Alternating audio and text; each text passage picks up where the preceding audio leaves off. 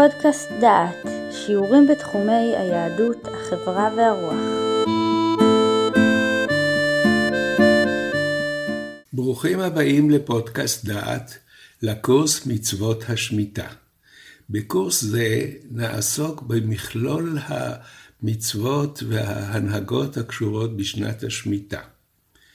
הפגישה הראשונה שלנו תתעסק במסגרת של שנת השמיטה, במגרעות, בזמנים שהשמיטה פועלת והמסגרת הכללית של דיני שמיטה. אנחנו מתחילים במקראות. בויקרא כ"ה כך נאמר: וידבר אדוני אל משה בהר סיני לאמור, דבר אל בני ישראל ואמרת עליהם. כי תבואו אל הארץ אשר אני נותן לכם, ושבתה הארץ שבת לאדוני. שש שנים תזרע שדיך, ושש שנים תזמור כרמך, ואספת את תבואתה. ובשנה השביעית שבת שבתון יהיה לארץ, שבת לאדוני. שדך לא תזרע וכרמך לא תזמור, את צפיח קצירך לא תקצור, ואת ענבי נזירך לא תבצור, שנת שבתון יהיה לארץ. והייתה שבת הארץ לכם לאוכלה, לך ולעבדך ולאמתך ולשכירך ולתושבך הגרים עמך. ולבהמתך ולחיה אשר בארצך תהיה כל תבואתה לאכול. ועוד שני פסוקים בספר שמות כ"ג, ושש שנים תזרע את ארצך ואספת את תבואתה, והשביעית תשמטנה ונטשתה, ואכלו אביוני עמך, ויתרם תאכל חיית השדה. כן תעשה לכרמך ולזיתך. נושא נוסף לעניין השמיטה הוא מתי התחייבו בשמיטה. מדוע הנושא הזה חשוב? הרי יש הרבה מצוות התלויות בארץ, שהם ברגע שנכנסים לארץ מתחילים לשמור אותם. מדוע השנה שבה מתחיל מנגנון השמיטה לפעול הוא כל כך חשוב? והתשובה היא פשוטה. הפרשת חלה, תרומות ומעשרות, כל הדברים האלה הם שנתיים. ברגע שיש לך עיסה, אתה מפריש חלה. ברגע שצומחים לך צמחים, אתה מפריש מעשרות. השמיטה היא מחזור של שבע שנים, מחזור אינסופי של שבע שנים. בתוך העניין הזה היה גם היובל, אבל בזה לא נעסוק עכשיו. לכן נקודת האפס של שנת השמיטה, שממנה סופרים את השביעיות עד ל, ליום הזה, היא נקודה קריטית. ולכן הספרה בפרשת בהר עוסק בשאלה הזאת. והספרה אומר כך, כי תבואו יכול מי שבאו לעבר הירדן, הפסוק הוא כי תבואו אל הארץ אשר אני נותן לכם, ושבתה הארץ שבת לאדוני, שדך לא תזכה וכרמך לא תזמור. כי תבואו, יכול מי שבאו לעבר הירדן, תלמוד לומר אל הארץ, ארץ המיוחדת. יכול מי שבאו לעמון ומואב, גם אלה ארצות מיוחדות עם שם והגדרה, תלמוד לומר אשר אני נותן לכם, עמון ומואב לא קיבלתם. מניין אתה אומר, כבשו את הארץ, אבל לא חילקו. חילקו למשפחות ולא חילקו לבתי אבות. חילקו לבתי אבות ואין כל אחד מכיר את חלקו. יכול יהיו חייבים בשמיטה? תלמוד לומר שדך, שדך לא תזרע וכרמך לא תזמור. שדך, שיהא כל אחד ואחד מכיר שדהו. כרמך, שיהא כל אחד ואחד מכיר את כרמו. נמצאת אתה אומר, כיוון שעברו ישראל את הירדן, נתחייבו בחלה ובעורלה ובחדש, איסור חדש. הגיע שישה עשר בניסן, נתחייבו בעומר. שהו חמישים יום, נתחייבו בשתי הלחם. אלה הם הקורבנות או הדברים שמקריבים במקדש בקשר עם התבואות החדשות. ל-14 שנה נתחייבו במעשרות והתחילו מונים לשמיטה. רק אחרי 14 שנה נתחלקה הארץ וכל אחד ישב במקומו. אם כן, בשנה ה-14 החלו את מניין השמיטה, ל-21 עשו שמיטה, ל-64 עשו יובל. יש לנו אם כן נקודת אפס לשנת השמיטה. ועכשיו תיאור כללי של המצוות החלות בזמן שנת השמיטה.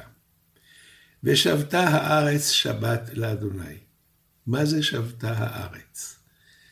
אומר אבן עזרא דבר מעניין. מצווה על ישראלי שלא יעזוב גר, גר תושב הכוונה, לזרוע שנת השבת.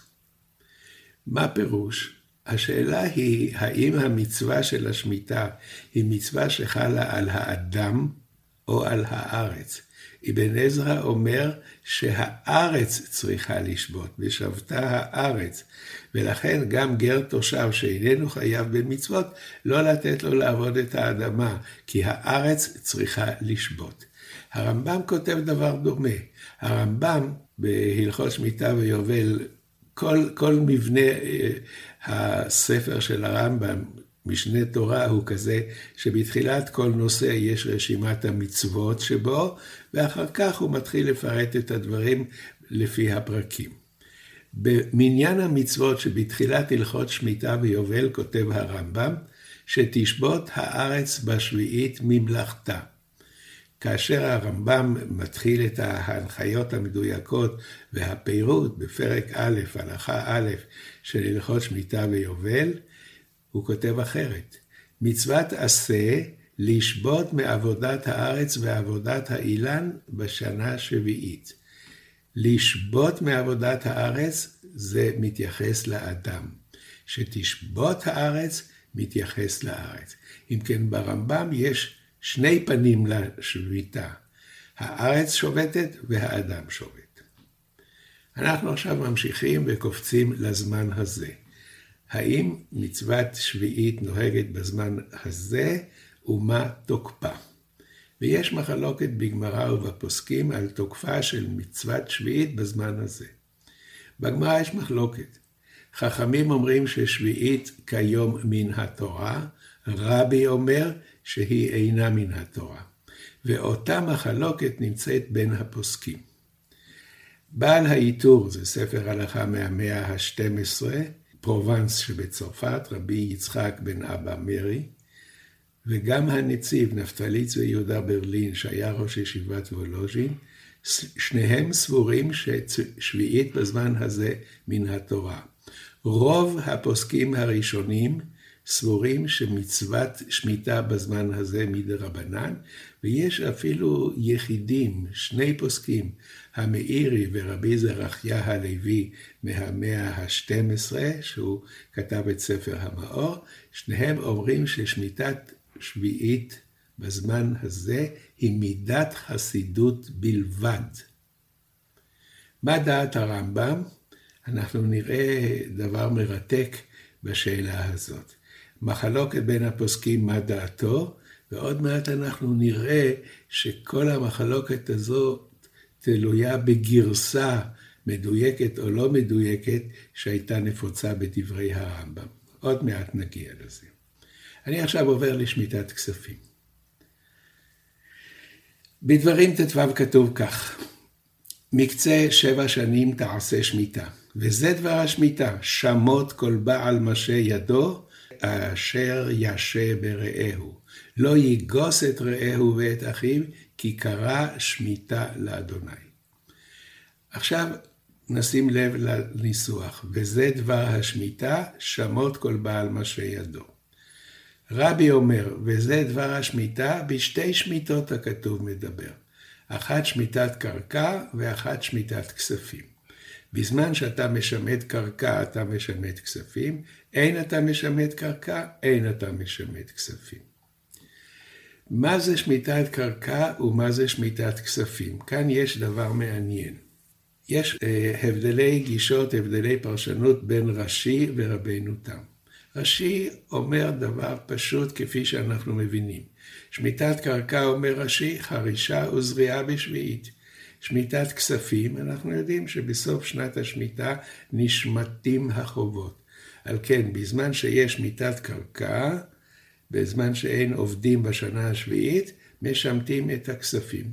כך מפרש רש"י, פירוש שהוא מתאים להבנה הבסיסית שלנו.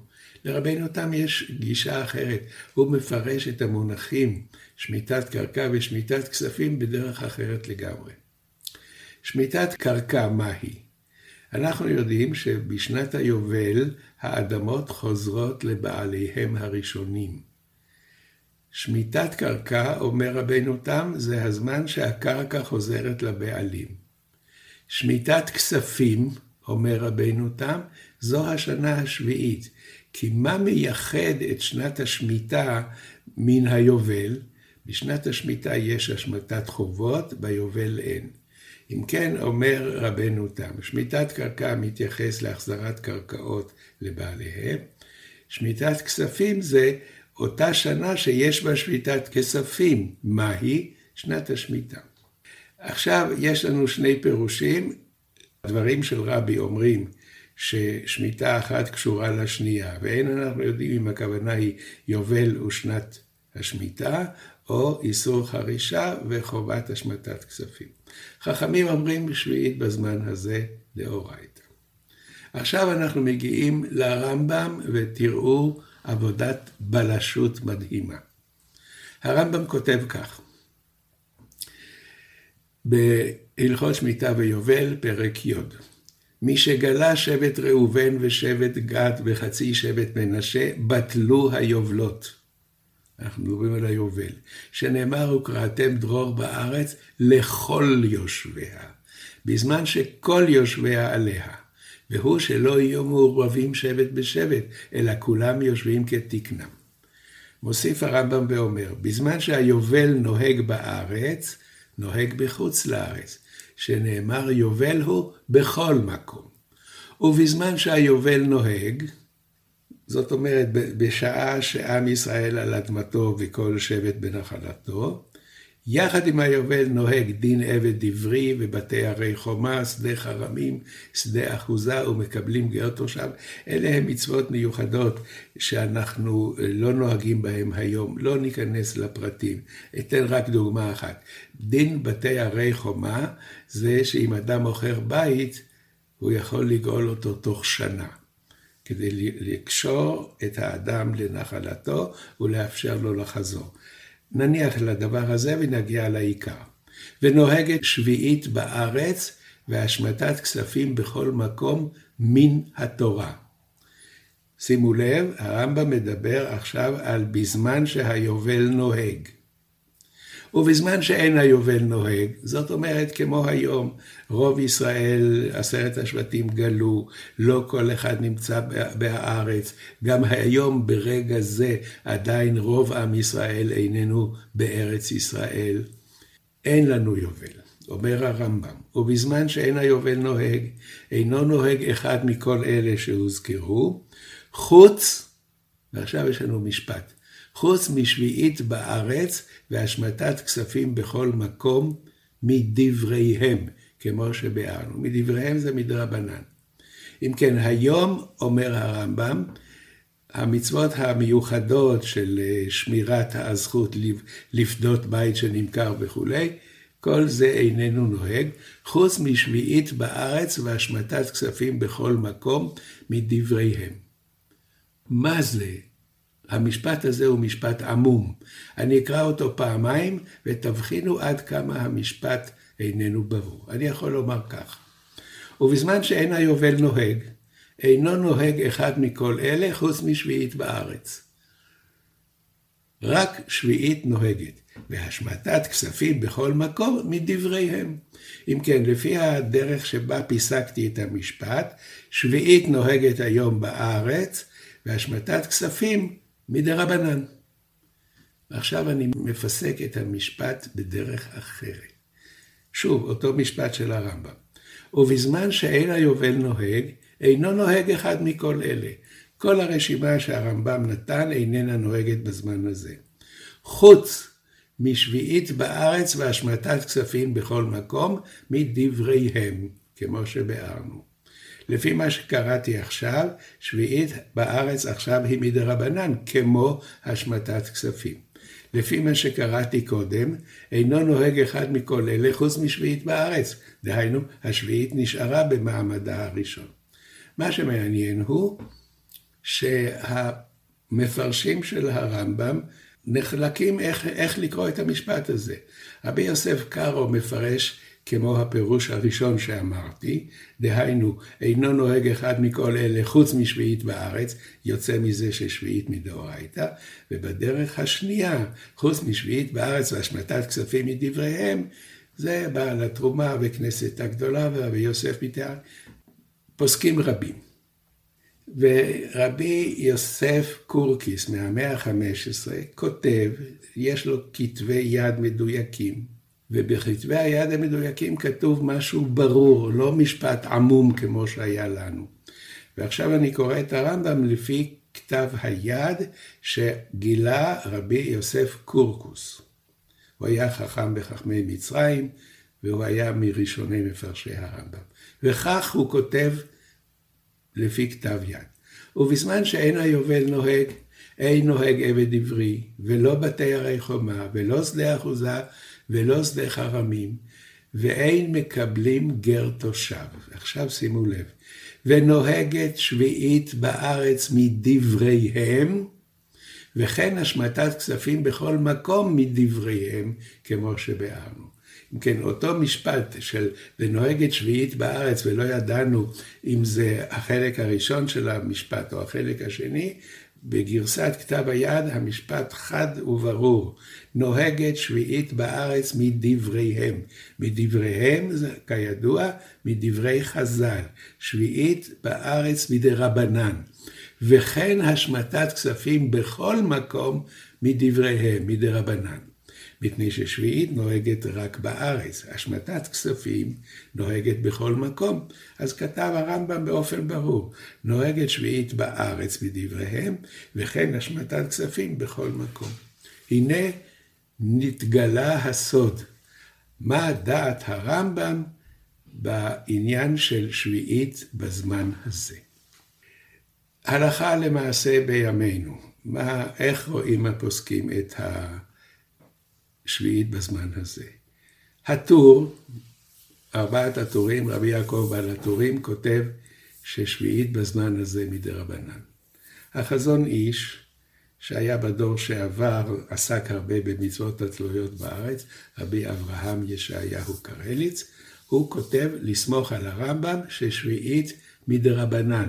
הוא הבין במשפט של הרמב"ם בשיטה שביעית מדרבנן.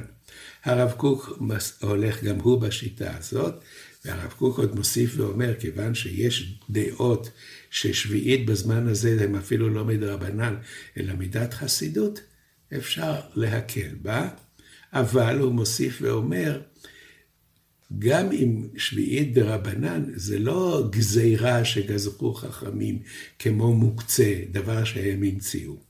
שביעית מדרבנן פירוש הייתה מצווה מן התורה והיא בטלה, אמרו רחמים, תמשיכו את המצווה שציוותה התורה גם בזמן הזה.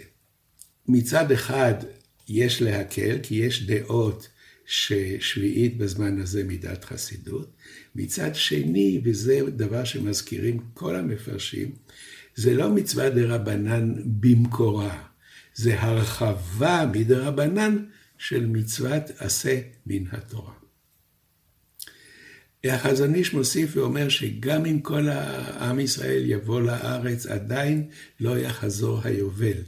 כי כדי שהיובל יחזור, צריך שכל אדם ידע מאיזה שבט הוא, תבוצע חלוקה חדשה של הארץ, וכל שבט ישב במקומו. אם כן, יובל לא יהיה לנו. כפי שאמר הרמב"ם, אם אין יובל, אז אין שמיטה מדאורייתא. אז יש לנו עכשיו מסגרת, שמיטה בזמן הזה דרבנן. ועכשיו עולה השאלה, האם שמיטה בזמן הזה דרבנן זה דבר שאפשר להקל בו כמו כל מצווה דרבנן, שספיקה דרבנן לכולה. ועל כך כותב בית הלוי, שזה רבי יוסף דור סולובייצ'יק, שהוא היה ב, בישיבת וולוז'ין במאה ה-19, והוא, והוא מבדיל לפי מה שאמרתי קודם. יש הבדל בין חידוש של חכמים, מצווה שתיקנו חכמים מדעתם, שזה ספק דרבנן להקל, לבין הרחבה של מצווה דאורייתא שבטלה. מצווה דאורייתא שחכמים הרחיבו אותה, היא אומנם מדרבנן, אבל הסטטוס שלה יותר חזק, מפני שזו מצווה שהחלה במצווה מדאורייתא. אם כן, יש לנו עכשיו מבנה, ואני אסכם את מה שראינו בפרק זה. כאשר עברו ישראל את הירדן, החלו את הספירה, והספירה היא כזאת שאת השמיטה הראשונה עשו 24 שנים אחרי שנכנסו לארץ, אחרי שכבשו וחילקו את הארץ. שביעית בזמן הזה, לדעת חכמים מהתורה, רבי אומר שאיננה מן התורה, ורוב הפוסקים מקבלים את שיטת רבי, ששביעית בזמן הזה מדרבנן.